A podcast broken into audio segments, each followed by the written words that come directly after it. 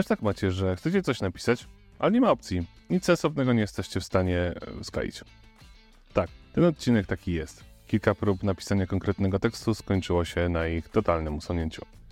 Ale odcinek musi być, więc uznałem, że zrobię to, co kiedyś robiłem w pewnej szkole na pewnych lekcjach. Celowo nie podaję nazwy szkoły, ani nawet przedmiotu. I tam było tak, że na początku lekcji kilka osób trafiało do pierwszej ławki na kartkówkę. Taki rodzaj odpowiedzi na ocenę. I co się na niej liczyło? Nie, nie, nie, nie, nie wiedza. Ilość tekstu. Więc co kiedyś zrobiłem? I tak, jestem z tego dumny. Napisałem przepis na kisiel. A było to mniej więcej tak. Przygotuj około 400 ml soku malinowego. Albo innego, no jaki już tam lubisz. Do tego potrzebne będzie dwie łyżki mąki ziemniaczanej oraz dwie łyżki cukru.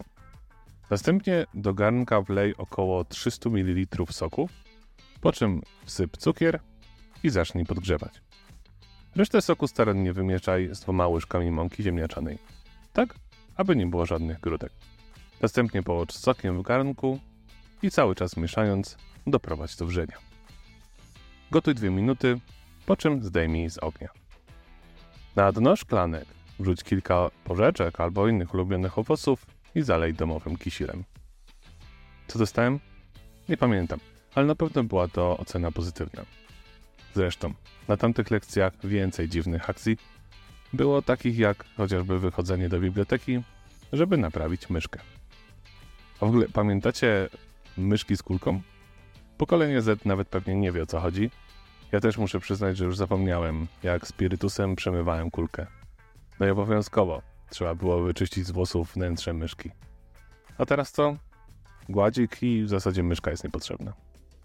Jeszcze powinienem do kompletu dodać przepis na budyń. Ale wiecie co?